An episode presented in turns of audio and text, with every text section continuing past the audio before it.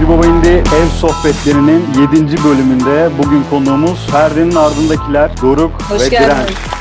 Merhaba, hoş bulduk. Hoş bulduk. Evet. Cihat o kadar uzun zamandır istiyor ki aslında iki senedir sürekli perdenin ardındakilerle bir şey yapsak, bir röportaj yapsak, konuk etsek. Çünkü daha önce BBI yerli köşesine 2018 senesine konuk olmuştunuz. Ondan beridir Cihat'ın hep aklında ama bir türlü kısmet olmadı. Aslında çok da evden hala çıkmadığımız bir dönemde böyle uzaktan uzaktan ancak Zoom üzerinden tanışmak kısmet oldu. Umarım bu bir başlangıç olur. Sonrasında ileride yüz yüze de tanışacağımız günler gelir. Umarım, umarım. Çok mutluyuz burada olduğumuz için. Teşekkürler tekrardan. Hoş Teşekkür ederim. Doruk Muğla'dasın, Direnç e, Ankara'dasın. Aynen şu an Ankara'dayım. Normalde Ankara'dasınız ama Ankara'da bir şekilde müzik yapıyorsunuz. Çok Evet, karışık aslında mevzu biraz. değişik biraz evet. Evet, Aynen. az önce biraz bir bilgi aldık. Ee, Yani Ankara'da yaşıyoruz, İzmir'de kayıt yapıyoruz şu an. Ama Ankara'da yaşıyoruz, o yüzden dediğin gibi yani aslında. Şu an e, Ankara'da ben yerleşik hayat sürmüyorum.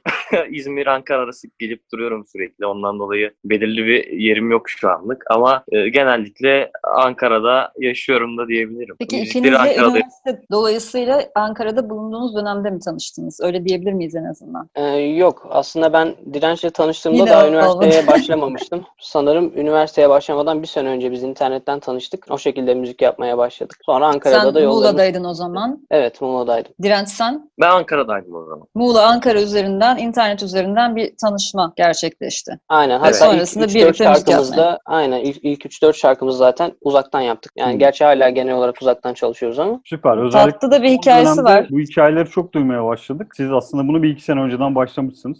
Biraz daha şimdi şeye hani ilk sizle tanışmamız demin Tuğçe'nin de dediği gibi BBI yerli köşesinde 2018 Kasım'da yer almışsınız. Orada 7 tane parçanız yayınlanmıştı ama tabii ki şimdi o bir buçuk senede çok şey oldu. Aslında benim merakımı cezbeden bu senede e, neler oldu? Neler yaşandı sizin o zamanki dinlenmeleriniz vesaire işte şarkının ulaştığı insan sayısından tut üretimi de çok hızlandırdınız ve şu an hani şarkı dinlenmeleri ve konserlerde de işte eski normalimizdeki konserleriniz de gayet güzel geçiyor gibi görüyorduk canlı olarak siz dinleyemesek de. Şimdi oradan bir alıp tekrar bir gelelim ya isteriz. O aralarda neler oldu ve sonrasında Mesela Yeşil Oda'yla nasıl çalışmaya karar verdiniz? Ondan merak şuradan geleyim. BBI yerliye biz işte ilk yazdığımız zaman da erişim sıkıntısı çekiyorduk. Yani yeterince magazine, kitleye ulaşamıyorduk. Nasıl acaba kendimizi biraz daha bilinir kılı, kılabiliriz, nasıl kendimizi gösterebiliriz diye işte sürekli röportajlar vesaire kovalıyorduk. Tabii o zamanki konumumuzdan dolayı da çoğu site ne, ne denir online magazinleri falan bizi çok kayla almıyordu açıkçası. Bir Baba İndi yerli biraz daha böyle açık mikrofon tarzında bir şey olduğu için dedik hani yazalım bunu. Oraya doldurduk. Ondan sonra ya aslında bu bir buçuk sene içinde süreç bizim için böyle çok da farklı geçmedi. Biz aynı şekilde üretmeye devam ettik. Daha sonra işte bizim menajerimiz Deniz aracılığıyla Yeşil Oda'yla çalışmaya başladık. Yanlış hatırlamıyorsam hangi şarkıdan itibaren? Hatıralarım mı Utku? Direnç. Hatıralarım. Evet, hatıralarım. Bu arada e, Direnç Utku, Direnç Utku. Ben Utku diyorum o yüzden çok karışabilir kusura bakmayın. Tamam, Hatıralarımla itibaren şey yaptık. E, Yeşil Oda'yla çalışmaya başladık. Ondan sonra Düşüş'ü yayınladık. Beni Kendinden Kurtar'ı yayınladık öncesinde. Düşüşten sonra Piyancı ile Yağmurları yayınladık. Yakında da yeni bir şarkı daha gelecek yine Yeşil Oda etiketiyle. Galiba orada Beni zarfında- Kendinden Kurtar şarkısı biraz daha sizi böyle itekledi mi diyeyim gibi duruyor sanki. Aslında e, bizi böyle yükselten ilk başta şey oldu. E, kendime oldu. Kendime'yi daha önce yapmıştık galiba. evet. Kendime ve Kendime, Ankara'yla buluşuruzu ard arda yaptık. İkisi de bir şekilde değer buldu. Onların dinlenmesiyle beraber gökyüzü çıktıktan yaklaşık bir buçuk sene sonra virale girdi. Sonra böyle şey snowball efekt dediğimiz böyle hani katlana katlana bir şekilde gitti. Bunda şansımız da yaver gitti diyebilirim açıkçası. Hani yaptığımız şarkılara güveniyorduk ama aslında böyle bir noktaya geleceğini de çok da ben düşünmüyordum şahsen. Hani sevdiğimiz için yapıyorduk hala öyle ama şu an geldiğimiz konum bizi mutlu ediyor ve heyecanlandırıyor. Yani Peki biz burada- tabii programları sen söyle. Yok hani burada Sen mesela demin konunu. de kayda girmeden önce şey konuşuyorduk ya. Tabii ki arkada çok fazla çalışıyorsunuz, üretim yapıyorsunuz ama hani günümüzde çok fazla üretim var. Ya yıllardır işte bir Baba Indi özellikle yani o kadar çok mail geliyor ve o kadar çok grup işte üretiyor belli bir süre sonrasında yok oluyor. Çünkü işte pes etme evresine geliyor bir yerden sonra. Sizin burada mesela bugün baktığınız zaman geçmişe dönüp şunu iyi yaptık galiba dediğiniz bir nokta var mı? Ve hani Hmm,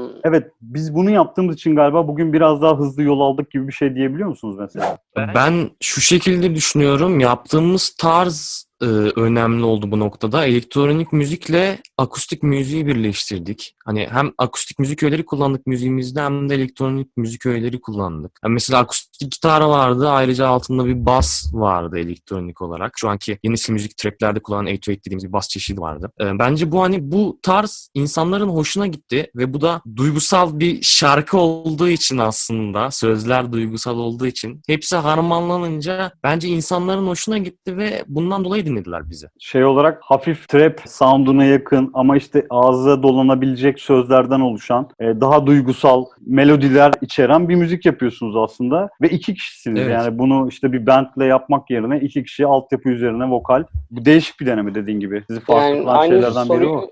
ben de yanıtlamak isterim. Benim herhalde Buyurun. cevabım biraz daha komplike olacak. Ben biraz daha farklı bakıyorum aslında. Yani e, bizim yaptığımız müziğin özünde aslında şey var. İki farklı jan var. Farklı e, stil var. E, etkilendiğimiz müzisyenler çok farklı. Daha öncesinde yaptığımız soundlar çok farklı. Aslında şey gibi yani e, yin yang gibi. E, içinde tezat barındıran bir müzik. Çok mainstream, çok e, ana akım eş anlamı gerçi de çok yüzeysel aslında basit e, gelen ve dinlemesi, hazmetmesi kolay olan bir altyapının üstüne onun tam tersi olan biraz daha edebi kaygı güden, biraz daha bir şeyler anlatmaya çalışan ve bu yönüyle diğer mainstream şarkılardan ayıran bir sound yakaladığımızı düşünüyorum. Bu yüzden hani dinlenebilirlik olarak hem sindirmesi kolay ama aynı zamanda tekrar dinleterek de şarkıların neler anlattığını bulmaya çalıştığınız bir form oldu diye düşünüyorum. Yani hep bu şekilde yaklaşmaya çalıştım ve her yeni şarkı yazarken de bu özü korumaya çalışıyorum aslında. Bence diğer sanatlardan hani sıyrılıp da bir şekilde yol alabilmemizin sebeplerinden bir tanesi de budur diye düşünüyorum.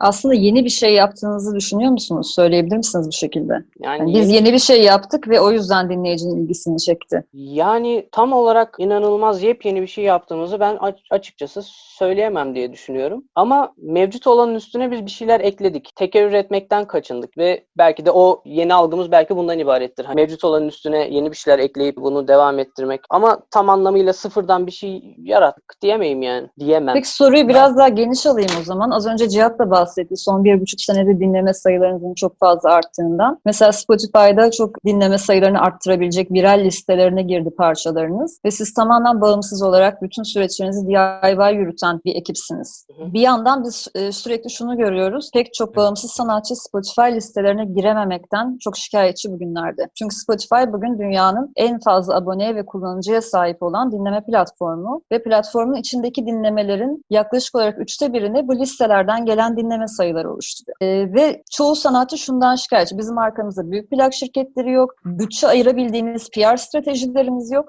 Ve bu nedenle Spotify bizim şarkılarımıza yer vermiyor. Ama size baktığımızda sizin örneğinizde bunun aslında bağımsız olarak da olabildiğini görüyoruz. O yüzden sizin belki ya bir öneri olabilir, bir tavsiye olabilir, sanatçılara yol gösterecek ya da sadece kendi hikayenize dair anlatacağınız şeyler belki onların yolunu ışık tutabilir. O yüzden sizden Yani- gelecek her türlü bilgi önemli diye düşünüyorum. Evet. Bence bu konuda hayıflanmakta haklılar. Ee, biz ta- tamamen bağımsız olarak geçirdiğimiz süreç içerisinde yani şarkılarımız 5-6 milyon stream alırken bile hiçbir listeye doğru düzgün giremedik. Ta ki işte son birkaç aya kadar. Biz şey yaptık aslında biraz böyle ne denir ona kör göze parmak batırmak gibi. Yılmadık yani sürekli yaptık. Streamler arttı, doğal yollarla arttı ve bir süre sonra da sanırım işte e, editörün gözüne girdi ve listelere girmeye başladı. Ama şunu öneririm. Listelere girmek için de şarkı yapılmaz. Büyük şirketlerin belki sana sağladığı avantajları olabilir uzun vadede ya da kısa vadede. Ama bir o kadar da dezavantajı var e, yaptığın anlaşmaya göre. Dolayısıyla biz deneyimledik ki sadece listelere girmek şarkının dinlenmesinde çok büyük bir ölçüt değil. Şarkın senin bir şekilde dinlenebiliyor. Sadece listeler e, senin biraz ivmeni arttırıyor. Kolaylaştırıyor aslında. O ilk gazı Evet, veriyor. yani. evet, kesinlikle. O Çok da yüzden takılmamak hani- mı lazım oraya aslında mesela? Aynen amaçtan ziyade gerekiyor? araç kesinlikle kesinlikle öyle. Çünkü biz çok uzun süre giremedik herhangi bir listeye. Yani sadece hani algoritmik listelere girdik. Hani virale işte top 50'ye vesaire. Ama o da zaten hani dinleyicinin seni dinleme oranıyla ilgili bir şey. Editoryal listelere bizim girmemiz epey zaman aldı. Alaka. Yani onun zirvesi şey mi oldu? İki Global- sene aldı hatta. Globalde listeye girdiğiniz Ya zaman iki sene sonra girdik biz çıkarttıktan sonra. Aynen. Yani globalde virale girdik. Global viral güzel. Açıkçası çok da bilmiyorum. Hani global viral mi daha iyi bir liste yoksa top 50 mi dinlenme açısından daha olumlu açıkçası çok emin değilim. Ama güzel yani global viralde kendini şarkımızı da görmek bizi gururlandırdı, sevinçlendirdi ve umutlandırdı gelecek için. Doruk az önce önemli bir şey söyledi Cihat. Senin de benim de hep konuştuğumuz bir konu zaten. Üretime devam ettik bu süre Evet. zarfında. Yani listelere girmesine girmemesine hiçbir şeye takılmadık. Üretmeye devam ettik ve bir şekilde o su aktı. Müziğiniz kendi yolunu buldu diye anlıyorum. Aynen öyle. Ben şeyi de merak ediyorum. Şimdi hani bağımsız ilerlemek, yürümek konusunda bir şeyler konuştuk. Şu an tabii ki size daha major label dediğimiz o firmalardan e, bir dönüşler oluyordur. Beraber çalışalım şeklinde. Bu demek değildir ki siz yarın öbür gün böyle bir firmayla çalışmayız mı? Yoksa evet hani değerlendiririz, mantıklı gelirse bize çalışırız gibi bir şey var mı kafanızda? E tabii sonuçta belli bir noktaya geldikten sonra senin grubunun dinleyici sayısı ve ekonomisi gelen teklifleri değerlendirebilirsin. Senin çıkarına e, olan ama hiçbir şekilde perdenin ardındakilerin ne imajına ne de kitlesine zarar vermeden bunu yapabilecek anlaşmaları değerlendirebiliriz. Sonra hiçbir şeye de hani asla dememek lazım. Sonra pişman olursun yani. Kapılar kapalı değil diyorsun yani. Aynen aynen. Kapı aralık olsa da şu an gittiğimiz yoldan memnunuz ve şu an bir dezavantajını görmedik. Aksine sürekli üstüne ekleye ekleye ilerliyoruz yani. Daha önce e, alt müziğe verdiğiniz bir röportajda bir şey gözüme ilişti. Bu bağımsız kalma meselesiyle ilgili aslında röportajlarınızdan genellikle bunu bir e, tavır olarak görmediğinizi ve gerektiği zaman bir şirkette de çalışabileceğinizi hep söylemişsiniz. Bir de şöyle bir şey demişsiniz. Bu albüm yayınlama, single yayınlama ikilemi konusunda biz elimizdeki imkanlar çerçevesinde müzik yapıyoruz ama albüm yapabilmek için iyi bir kitle, albüm pazarlayacak kuruluşlar ve para gerekli. Eli, e, ileride elimize iyi bir fırsat geçerse güzel bir albüm yapmayı da isteriz demişsiniz. Şimdi zaten bu da geleceğimiz konulardan biri Cihat. Single single gidiyorsunuz. Hep Hı. sadece bir EP yayınladınız arada. Albüm düşünüyor musunuz, düşünmüyor musunuz? Bu konudaki fikriniz değişti mi mesela? Kendi bağımsız olarak bir albüm yapabiliriz yakın zamanda diye düşünüyor musunuz? Yoksa bunun için ille de bir plak şirketi gerekli gibi mi bu röportajdan Ee, aldığınız? Yani artık e, ekonomik olarak aslında grubun payı büyüdü. Ekonomik olarak kendimiz bir şeyleri finanse edebilecek duruma geldik. Yine albümde belki işte hani bir şirketle çalışırız, bağımsız yaparız. Onlar oturup konuşulacak şeyler. Ama şu an albüm yapabilecek imkanlara sahibiz ve aslında daha dün bunu konuştuk. Yeni albüm çalışmalarına başladık bile. Tabii bu ne zaman işte karşınıza çıkar tabii öngörmemiz imkansız. Şu an sadece kağıt üstünde. Bir de araya şöyle Ama bir gireyim mi? Siz gelecek. bu albüm yapabilmek için çok daha fazla imkanı şöyle de sahip değil misiniz? İki kişisiniz ve altyapılar bir şekilde bilgisayar sayesinde oluşturulabilecek bir müzik altyapısı var ve üzerine vokal. Hani bir 4-5 kişilik bir band'i düşündüğüm zaman o anlamda çok daha avantajlı gibisiniz de aslında. Albüm evet, yani adına. O konuda hem fikir birliği oluşturmak adına hem de işte kayıt süreçlerine falan öyle bir kolaylığımız var. Yani bizim şu ana kadar yaptığımız işlerdeki bütün kayıt süreci sadece benim vokal kayıtlarımdan ibaretti. Hı hı. E, tabii albüm gelecek olursa yakın zamanda planladığımız gibi giderse daha çeşitlenecek işte içine belki canlı enstrümanlar vesaire girer. Ama hani sadece iki kişi olmamız sadece kayıt aşamasında bize avantaj sağlar. Çünkü şey bu işte bahsettiğim işte miktarlar ya da işte büyük o prodüksiyon yalnızca işte şarkı kaydetmek için geçerli değil. Yaptığın şarkıların mix mastering işlemlerini e, emin ellere teslim edebilmek için belli bütçeler ayırman gerekiyor. Yaptığın şarkılara klip çekmen gerekiyor ve klip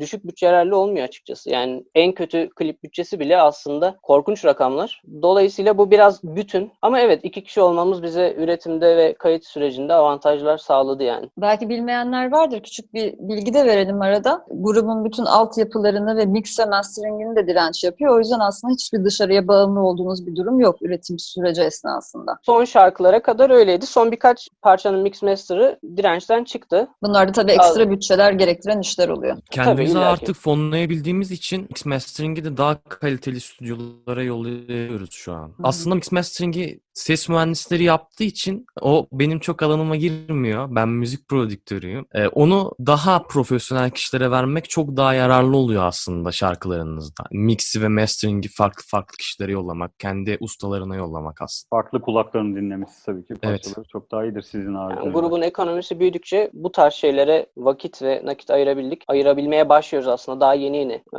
oluyor. Ve bu sayede aslında işlerimizin de kalitesini bir tık daha yükseltmeyi amaçlıyoruz. Öyle diyebiliriz. E, Rahat bir soru sorayım mı? Merak ediyorum çünkü farklı e, janraların birleşmesinden oluşan bir müzik ya. Mesela neler dinliyorsunuz? Hani Direnç senden başlayalım istersen. Mesela normal hayatında sevdiğin, severek dinlediğin, ilham aldığın müzikler neler? Onu ya Ee, birkaç ben- isim verebilirsin, tarz verebilirsin. Aha. Çok şey değil. Kafanızı anlamadım. Çoğunlukla Amerikan şarkıları dinliyorum yani. Amerikan kültürüne ait şarkılar dinliyorum. Country müzikler dinliyorum. e, R&B müzikler dinliyorum. Örnek olarak şöyle örnekler verebilirim. Weekend'i çok fazla dinliyorum. Zaten bizim şarkılarımızda da esintileri Evet. var Weekend'in. Böyle karanlık bir havası var şarkılarımızın. Sonra Billy Ray Cyrus dinliyorum mesela. Miley Cyrus'ın babası. O da countryci bir adam. Daha çok prodüktör üstüne yoğunlaşarak dinliyorum ben. Frank Dux diye bir adam var Amerika'da. Bu genellikle Amerika'daki top 10 şarkıların prodüktörü olan bir adam. Onun şarkılarını dinlemeyi çok seviyorum. Çünkü hani kendime daha yakın buluyorum onun tarzını. Avicii'yi çok seviyorum. Rahmetli. Huzur içinde yatsın. Avicii'den çok ilham alıyorum şarkıları yaparken. Ruhu şad olsun. Yani ben bunları dinliyorum genellikle. Latin şarkılarını çok seviyorum bu dönemlerde. Zaten dünyayı kasıp kavurdu şu an Latin şarkıları, Latin ezgileri. Ben bu şekilde şarkılar dinliyorum. Bu tarzlarda dinliyorum. Sen tamamen altyapını aslında oluşturabilecek, zenginleştirebilecek içerikler gibi şu an Evet, anlıyorum. Peki evet. sen Doruk neler var sende? Yani çünkü senin de çok Yani- karakteristik bir vokalin var. Ee, teşekkürler. o yüzden de merak ediyorum neler dinlediğinde. Yani aslında spesifik olarak şunu şunu dinliyorum diyemem. Biraz geniş. Mesela post-rock dinlemeyi çok severim. Trip Hop'te Portised'ler, Fransız post-rock grubu One var, Radiohead. Ondan sonra işte 70-80'lerdeki klasik rock baladlarını dinlemeyi severim. Scorpions'ın yaptığı, X Japan'in yaptığı. Grubun melankolik ve depresif e, bölümü sensin tabii ki. Orada belli oldu. Evet. Post rocklar, trip hoplar. Öyle öyle görünüyor yani. Onun dışında Türkiye'den müzikal olarak ve duruş olarak, karakter olarak ilham aldığım kahramanım olarak söyleyebileceğim isimlerden biri Yavuz Çetin'dir. Ondan her zaman çok etkilendim. Türkiye'de iyi mü- müzik yapan insanlar var. Cemal Can müziğini de beğenirim ama müzik hakkındaki fikirlerini beğenirim. Ya aslında sadece dinlediğim müzikler değil aynı zamanda dinlediğim müzisyenlerin duruşları da benim müziğimin gelişmesinde çok etkili oldu. İşte Bob Dylan aynı zamanda işte John Baez o beat döneminin o müzikal ve isyankar ruhunu seviyorum. Şu an aklıma gelenler aslında uzadıkça uzar ama Eyvallah. çok spesifik bir cevabı yok yani. Peki Doruk sen 9-10 yaşlarında davul çalmaya başlamışsın. Sonrasında gitar, aynı zamanda arada bir çocuk korosu geçmişin var. 11 yaşında ilk şarkını yazmışsın. Cihat'ın dediği gibi senin sesin özellikle ilgi çekiyor. Dinleyicilerden çok duyuyorum. Şan eğitimi vesaire böyle bir şey aldın mı? Şarkı söylemekle olan ilişkin nasıl gelişti? Şöyle oldu biraz daha genelden anlatmam gerekirse davul çalarak müziğe başladım. Bir sene kadar davul çaldım. Daha sonra ara ara yani davul çalmaya devam ettim. Gitara başladıktan işte iki ay sonra falan ilk şarkımı yazdım. Ondan önce de çocuk korosunda solo okuyordum. Teknik olarak müzikal bir eğitimim yok. Şan bazında konuşmam gerekirse. Ama ben çok taklit ediyordum küçükken. Dinlediğim her şeyi taklit edip o sesleri nasıl çıkardıklarını anlamaya çalışıyordum. Ildivo diye bir tane klasik müzik boy bendi vardı. Böyle güzel eserleri seslendiren böyle işte İtalyan, Fransız karışık bir vokal grubu. Onların yaptığı işleri mesela çok dinleyip onlar gibi şarkı söylemeye, Isabel okumaya falan çalışıyordum. Zamanla beraber kendi şarkılarımı da yazdıkça tabii hem müzikal hem de vokal olarak karakterimi biraz oturtmaya başladım. Kendime ait bir şey yakalamaya çalıştım. Bilmiyorum ne kadar başarılı oldum. Aynı zamanda yaşımızda daha 20-21 olduğu için şu an bunu yaptım bunu yaptım demenin de çok bir anlamı yok. Hani bir aşamasındayız ama birkaç basamak ilerleyebildik diyebilirim yani. Bu arada Direnç'e dönelim. Hani Doruk'un geçmişinden bahsedince müzikal özgeçmişinden. Direnç de ilk defa 3-4 yaşındayken gittiği anaokulunda üçgen ve ksilofon, triangle ve ksilofon aracılığıyla müzikle Evet. tanışmış. Sonra 8 yaşında gitar, 12 yaşında klavye, 14-15 yaşlarında da dijital müziğe geçiş. Ve o günden Aynen. beri de prodüksiyon üzerine çalışıyorsun. Hatta tanışma hikayenizin de çok ilginç bir tarafı var. Doruk'un solo albümünden bir ya da birkaç parça herhalde remix yapmak üzere kendisiyle ilk defa iletişime geçiyorsun. Ve sen o zamanlarda EDM üzerine çalışan prodüktörsün anladığım kadarıyla. E bugünlerde Evet, de evet. başka sanatçılarla da prodüksiyon üzerine çalışıyorsun. Biraz da o senin geçmişinden bugününe şu anda neler yaptığına falan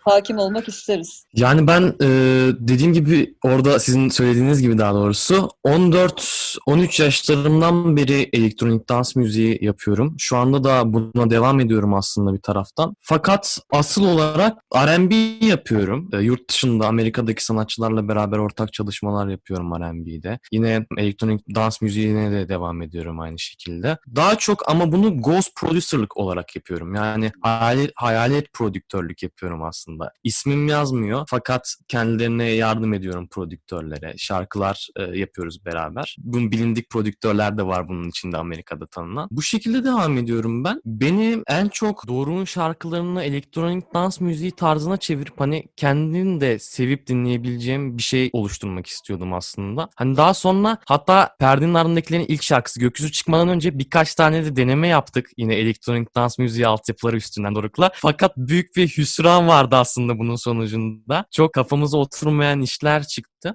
Sonucunda da tabii yol gibi çıktık çıktık çıktık gökyüzünü yaptık. Hani benim elektronik dans müziğini çok sevdiğim için böyle elektronik dans müziği tınıları, öğeleri içeren bir müzik. Onun üstüne de Türk öğeleri hani e, duygusallık olsun işte daha fazla hani Türk şarkılarında en fazla duyduğumuz şey çünkü benim en azından en fazla duyduğum şey çok fazla Türkçe müzik dinlemiyorum fakat genel olarak aşk üstüne şeyler duyuyorum. Bu öğeler birleşince benim de çok sevdiğim, kendi dinleyebileceğim bir müziği insanlara da sunmak istedim. Bu şekilde de hatta perdenin ardındakilerin benim tarafımdan da kuruluş öyküsü böyleydi aslında. Benim tarafımda bu şekilde ilerledi süreç. Benim sürecim böyle. Aşk önemli. Melankoli, aşk bunlar önemli şeyler. İkiniz de aslında o ortak noktada güzel bir şekilde buluşmuşsunuz. evet. Az önce Direnç bahsetti. Biz elektronik müzik ve akustik müziği birleştiriyoruz. Biraz orada fark yarattık ve dinleyicinin ilgisini çekti diye. Peki bu sound'u sahneye taşırken bugüne kadar verdiğiniz konserlerde, çaldığınız mekanlarda zorluk yaşadınız mı? Ya da işte bazı konserleri akustik verelim, bazılarına daha elektronik bir sound olsun gibi tercihler yapıyor musunuz? Şöyle oldu. Şu ana kadar yaptığımız konserlerde bir DJ setup'ımız oldu. Bir tane elektrik gitarımız oldu bize eşlik eden ve vokal oldu. Tabii canlı açısından değerlendirdiğimizde bunun dezavantajları oluyor. Özellikle şarkıların masteringinden kaynaklanan mesela ilk başlarda bazı sorunlarla karşılaş. Her şarkı dışarıda aynı duyulmuyordu her altyapı. Ona göre işte vokalin dengesi vesaire değişiyordu. Aynı zamanda e, vokal için de şöyle bir sorunu var. Aslında yarı karaoke yapıyormuşsun gibi bir his. E, çünkü altyapı kusursuz, her şey kusursuz ama hani vokal öyle bir enstrüman değil ve o kusursuzluğun içinde iyi bir vokal performansı yapmak kimi zaman benim açıkçası yük bindiriyor. Hani şu şu zamana kadar ama sıkıntı da yaşamadık herhangi bir sahne konusunda. Hepsinden keyif aldık. E, hepsinden çok iyi dönüşler aldık. Bir tane akustik konser yaptık İstanbul'da, Kadıköy'de. E, ondan da beklediğimizden iyi dönüşler aldık. O da çok keyifli geçti. İlerleyen süreçte de biz ne kadar iki kişilik e, elektronik altyapılı bir grup olsak da canlı performanslar için biraz daha büyük fikirlerimiz var. Biraz daha grubu genişletmek, canlı performanslar Hı hı. açısından. Bazı eklemeler, düzenlemeler yapmak ve konsere daha uygun, daha stabil bir şekilde çıkabilmeyi düşünüyoruz, planlıyoruz. Ne olur? Çok tabii yakın zamanda zaman Doruk. Emre Yücelen sana bir ses analizi yapmış ve bence çok da böyle etraflıca değerlendirmiş. Çünkü yüzeysel bakış açılarından kaçınır Emre Yücelen. Siz nasıl buldunuz bu analizi? Özellikle sahneye taşımakla ilgili, vokalin orada değerlendirilmesiyle ilgili Hı hı. güzel yorumları var. Evet aslında yaptığı eleştirilerin bir kısmına hak veriyorum. Doğru daha tam bitmemiş bir proje. Yani hiçbir zaman bitmeyecek ama şu an böyle tam olması gerektiği yere yeni yeni emekleyen bu proje. Canlı performanslar açısından değerlendirirsek de şöyle bir durum var. Canlı performansı etkileyen çok fazla etmen var. Bu sadece iyi çalmakla ilgili bir şey değil. Özellikle şarkı söyleyen birinin o ortamdaki dinleyiciden aldığı sinerji, sahne içindeki duyumu ki bu Türkiye'de çoğu mekanda çok e, eksik ve zorlayıcı. लीजिए। Çok değişkeni var dediğim gibi. Yani bir de tabii incelediği şarkı da biraz daha sakin bir şarkı. Ama büyük çoğunluğuna hak veriyorum yani. Ama umarım bir, bir gün bir konserimize gelip de bizi canlı dinler. Onu da çok isterim. Belki fikri değişebilir. Ha, bitmemiş bir proje demek bence şu açıdan da değerlendirmiş olabilir. Çok genç olmanız dolayısıyla. Çünkü bence bu mutlaka sizin müziğinizi değerlendirirken göz önünde bulundurulması gereken bir faktör. Cihat bana katılır mısın bilmiyorum ama zaman içerisinde yani ben 10 sene sonranızı çok merak ederim mesela müziğinizi duyduğumda. Nerede olacak, ne olacak diye. Buna benzer şeyler radyoda da çok bu aralar özellikle daha çok çalmadığımız ve çok e, duyulmayan gruplara yer vermeye çalıştığımız bir mecra haline getirdik bir Bavindi Lokali. Orada da çok sıklıkla seninle konuşuyoruz zaten. Hakikaten işte 20'li yaşların başında hatta geçtiğimiz programda e, bu haftaki programda bayağı 18 ve 12 yaşındaki e, müzik yapmaya çalışan iki kardeşin hikayesini de bahsetmiştik. Ben de çok merak ediyorum. Bir buçuk senede geldiğiniz noktayı düşündüğümde 10 sene sonra bu iş nereye gider? İşte Emre Yücelen belki oradan bakmış da olabilir. Bilemeyiz. Dediğim gibi bir konser içinde çok fazla kriter var. Kriter var. Kriter değil tabii ki. Kraterler de var. güzel olur. Kriterleri de severiz. O yüzden en iyisi bir değerlendirme yaparken hani gidilebiliyorsa gidip can dinlemek iyi bir sistemde vesaire her neyse. Ve Biz de grubun geleceğini tabii merak ediyoruz, heyecanlıyız. Ve Evet. yaptığımız her işin üstüne koyduğumuzu da ben e, düşünüyorum açıkçası. Hani hem mental olarak hem vokal olarak kafalarımız açıl açılmaya başladı yani. Bu pandemi zamanına da gelelim. Yani burada neler yaptınız? Şimdi farklı illerdesiniz. Yeni işlerin geleceğini de biliyoruz. Biraz onlardan da bahsedelim. Bu süreç nasıl geçti sizin için? Siz yine uzaktan uzağa paylaşım yapıp üretmeye devam mı ettiniz? Ve en yakın tarihte şimdi yeni işiniz ne zaman olacak? Biraz onlardan bahsedelim isterseniz. Pandemi sürecinin başında biz Doruk'la bir araya gelmiştik stüdyoda. Elimizde olan birkaç tane parça vardı pandemi süreci başlamadan önce. Bunları kaydetmiştik. Bunların üstüne yoğunlaştık pandemi sürecinde de. Bu şarkıları düzenledik. Çeşitli varyasyonlar yarattık bu şarkılar üstünden. Aslında bunu yaptık biz perdenin ardındakiler açısından pandemi sürecinde. Ama hep uzakta mıydınız pan- bu süreçte? Hiç yan yana gelemediniz herhalde. İşte sadece pandemi sürecinin çok fazla bu vaka sayısı artmadan önce bir aradaydık. Stüdyoda şarkıları kaydettik. Birkaç düzenleme yaptık üstüne. Daha sonra bu vaka sayıları artınca tabii ki herkes kendi evine dağıldı karantina olduğu için. Burada kendi evlerimizden çalışmaya devam ettik bu yaptığımız kayıtların üstünde. E, şarkıları düzenledik dediğim gibi ve son haline getirmeye çalıştık. Şimdi de işte bakalım bu ay daha doğrusu Temmuz ayında çıkartmayı düşünüyoruz bir tane de single'ımızı. Evet. Tarih tarih belliydi galiba. Tarihi de söyleyelim mi? Daha duyurmadınız galiba. Daha duyurmadık çünkü klibi bekliyoruz. Birkaç pürüz var onları önce halletmemiz lazım. Çünkü önceden benzer bir sıkıntı yaşamıştık. Düşüşte tarih verip Sonra sonra, elimizde olmayan sebeplerden falan. dolayı o ertelendiği zaman filan onu tekrar yaşamak açıkçası çok istemiyoruz. Böyle her şeyi kontrol altına aldıktan sonra açıklayacağız. Eyvallah. Biz 6. programda Birkan Nasuoğlu ve Novan orada e, iyi konu kaldığımız bir önceki programımızda şöyle bir şey çıkartmıştık değil mi Tuğçe? Alaç. Ağzından laf almaya çalışmaca gibi bir şey çıktı orada. Bundan sonra mümkün olduğunca böyle biz darlayarak ne zaman çıkacak, nasıl bir şarkı falan gibi şeyleri seviyoruz. Bu alaç köşesiydi olarak böyle bir kenarda kalsın. Bundan sonra her programda yapacağız değil mi Tuğçe? Buradan Evet evet. İsim, isim babası Birkan'a da selam edelim. Peki Ee, yine ev sohbetleri olduğu için şunu da soralım. Hani bu süreçte evde hayat nasıl geçti? Müzik dışında başka neler yaptınız? Nelerle meşgul oldunuz? Kendinize yeni bir şeyler keşfettiniz? Yani ben bu süreçte zaten açıkçası böyle biraz müzikten böyle bir uzaklaştım. Biraz kendime vakit ayırmayı özlemişim. Dinlenmeyi özlemişim. O yüzden böyle genelde insanlar çok sıkılmış, bunalmış. Ee, aksine benim için çok keyifliydi evde geçirdiğim vakit. İşte birkaç kitap okuma şansım oldu. Güzel filmler izlemeye çalıştım. Yani biraz oyun oynadım. Genel olarak böyle geçti benim. yani. Keyfin Çok- yerinde yani. Verimliydi gayet. Aynen aynen. İyi, süper. Sende ne var ne yok Direnç? Var mı? Ben, Yemekler yapılıyor e, mu? Hani kendi ekmek, yemek. Çok fazla yemek yaptım. Aşırı kilo almam gerekiyordu ama ben kilo verdim bu süreçte. Spor yaptım, kendime dikkat ettim. İlginç bir şey. Bolca bolca video oyunu oynadım arkadaşlarımla beraber evlerden. Başka da işte müziği düzenledik. Bu perdenin ardındakilerin müziklerine baktım bayağı bir. Onu onun düzenlemesi çok uzun sürdü benim açımdan. Onu yaptım. Bolca dizi film izledim. Zaman öldürmeye çalıştım. Böyle geçti yani pandemi süreci. Başka Ama yapabileceğimiz de bir keyfiniz- şey yoktu evde. Keyfiniz yerindeydi anladığım kadarıyla. Güzel. Evet. Peki şey, Peki. e, hı, buyurun. Sen sor sen sor. Buyurun hanımefendi. Dağıtmadan şuradan bitireyim o zaman. Aynı konuyla ilgili bir şey soracağım yine. Peki yine ev sohbetleri olduğu için hani şunu da sormadan geçmek istemem ve siz bütün müziğinizi evde üreten bir grup olduğunuz için evdeki çalışma ortamınız nasıl? Bir stüdyo mu var? Kimin evinde çalışırsınız? Normalde çalışırken bir takım ritüelleriniz var mıdır? Güzel. Nasıl bir üretim sürecinden geçiyorsunuz? Bu Yeşil Oda ile çalışmaya başlamadan önceye kadarki süreç ve sonrası olarak aslında ayırmak doğru olur. Öncesinde şöyle oluyordu. Direnç bana bir altyapı atıyordu ya da altyapıya dair bir fikir atıyordu, bir brief veriyordu bana. Ben onu değerlendiriyordum. Yani olur yazabilirim güzel dediğim vakit aynı gün içinde sözleri yazıp telefonla bir demo kaydedip geri gönderiyordum. Sonra ikimizin de hoşuna gittiği zaman evde işte küçük bir mikrofonum vardı, ses kartım vardı. Onunla vokalleri kaydedip gönderiyordum. O mixleyip bana atıyordu. Pürüzleri hallediyorduk, yayınlıyorduk. Yeşil Oda ile çalışmaya başlamamızdan itibaren şöyle değişti. Yine aynı şekilde demolarımızı yaptık. Birbirimizden uzak şekilde böyle mailleşerek falan şarkıları yazdık. Eskizlerini ortaya çıkardık. Sonra ortak bir tarih belirleyip İzmir'de Yeşil Oda'da kayıtlarını aldık. Haydi gelin. Bu röportaja hazırlanırken tabii sizin önceki röportajlarınızı okuyup dersimize çalıştık. Orada çoğu defa size şu sorunun sorulduğundan ya da sizin konuyu açtığınızı fark ettim. Alternatif müzik nedir, ne değildir? Siz kendinizin yaptığı müziği nasıl tanımlıyorsunuz gibi. Ve siz kendinizi alternatif olarak tanımlıyorsunuz gördüğüm kadarıyla. Indie janrısı içinde tanımlıyorsunuz. Ama başka bir taraftan bakıldığında belki daha mainstream bir yerde de yer alıyor olabilirsiniz. Konumlanıyor olabilirsiniz aslında. Biz kendimizi gözünde. aslında bağımsız müzisyenler olarak tanımlıyoruz alternatiften çok. Çünkü ben şuna inanıyorum. Alternatif diye bir tarzın olmadığına inanıyorum. Çünkü neyin alternatifi olabilir, olabilir ki bu tarz? Pop'un alternatifi rock olabilir. Rock'ın alternatifi metal olabilir mesela. Ama alternatif müzik diye bir tarzın olduğuna ben inanmıyorum şahsen. Yani bizim için şöyle biraz ya da hani genellemeyeyim benim için olarak düzelteyim. Bir röportajda da bunu söylemiştim aslında. Alternatif müzik bir tarzdan ziyade politik bir duruştur aslında. Yani önemli olan kendini öyle tanımlamaktan ziyade neye alternatif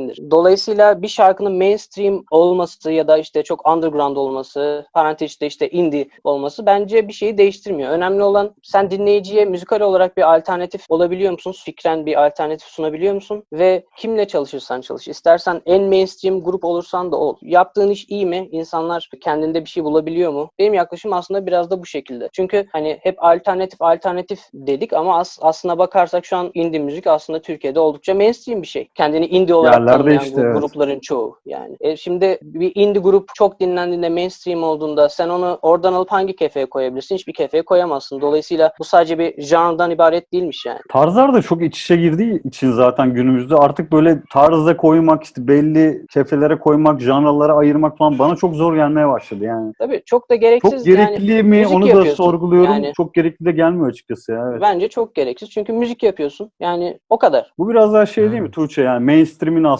hani nereye koyacağını bilememesi, içerik olarak da yer verip verememesi, böyle kafalarının karışıklığından ta işte müzisyenlerden işte bizim gibi dijital yayıncılara kadar gelen bir şey oluyor aslında. Mesela karman çorman bir hal aldı ortalık artık. Ee, geçen kış Soundport İstanbul Festivali kapsamında bir panel yapmıştık. Müziğimi dinleyiciye nasıl ulaştırırımdı başta. Orada Can Kazaz konuklar, konuşmacılar arasındaydı. O şöyle bir şey söylemişti. Yani bir artık sanatçının bir, bir menajerle çalışması, bir uluslararası label'da çalışması bunların hiçbirisi onun bağımsız olmasını engellemez. Bu süreçlerin hepsini, bu aktörlerin hepsini kendisinin yönetebilmesi, bağımsızlığı orada tanımlanıyor gibi bir şey söylemişti. Bu çok doğru bence. Ama mesela bizim Cihat'ta en çok uğradığımız eleştirilerden birisi de bu sanatçı işte uluslararası bir label'da çalışıyor. Bu sanatçı çok e, artık mainstream, çok büyük. Bunu neden konuk alıyorsunuz? Bir babayın da ne işi var? Gibi şeylere çok maruz kalıyoruz. Ama biz de sizin düşündüğünüz gibi düşünüyoruz aslında. Bağımsız olmak, alternatif olmak bir tavırdır, bir duruştur. Evet. Yoksa başka faktörlerle bağladığımızda hani sizin de gördüğüm röportajlarınızda mesela şunu söylemişsiniz. Pek çok sanatçı önceden bağımsız olarak başladılar. Çok büyüdüler. Bir noktadan sonra da uluslararası label'larla anlaştılar. Ama bu onların bağımsız olduğu gerçeğini değiştirmiyor aslında. Aynen öyle. Çünkü sürece e, müdahaleyi yapan yine onlar. Şöyle biraz da sanırım jenerasyonun değişmesinden kaynaklanan bir şey de var. O jenerasyon, eski jenerasyon içinde müzik yapmıyorduk. Tabii daha çok küçüklük dinleyiciydik belki ama e, o dönemlerde bizim menajer dediğimiz şey, yapım şirketi dediğimiz şeyler çok e,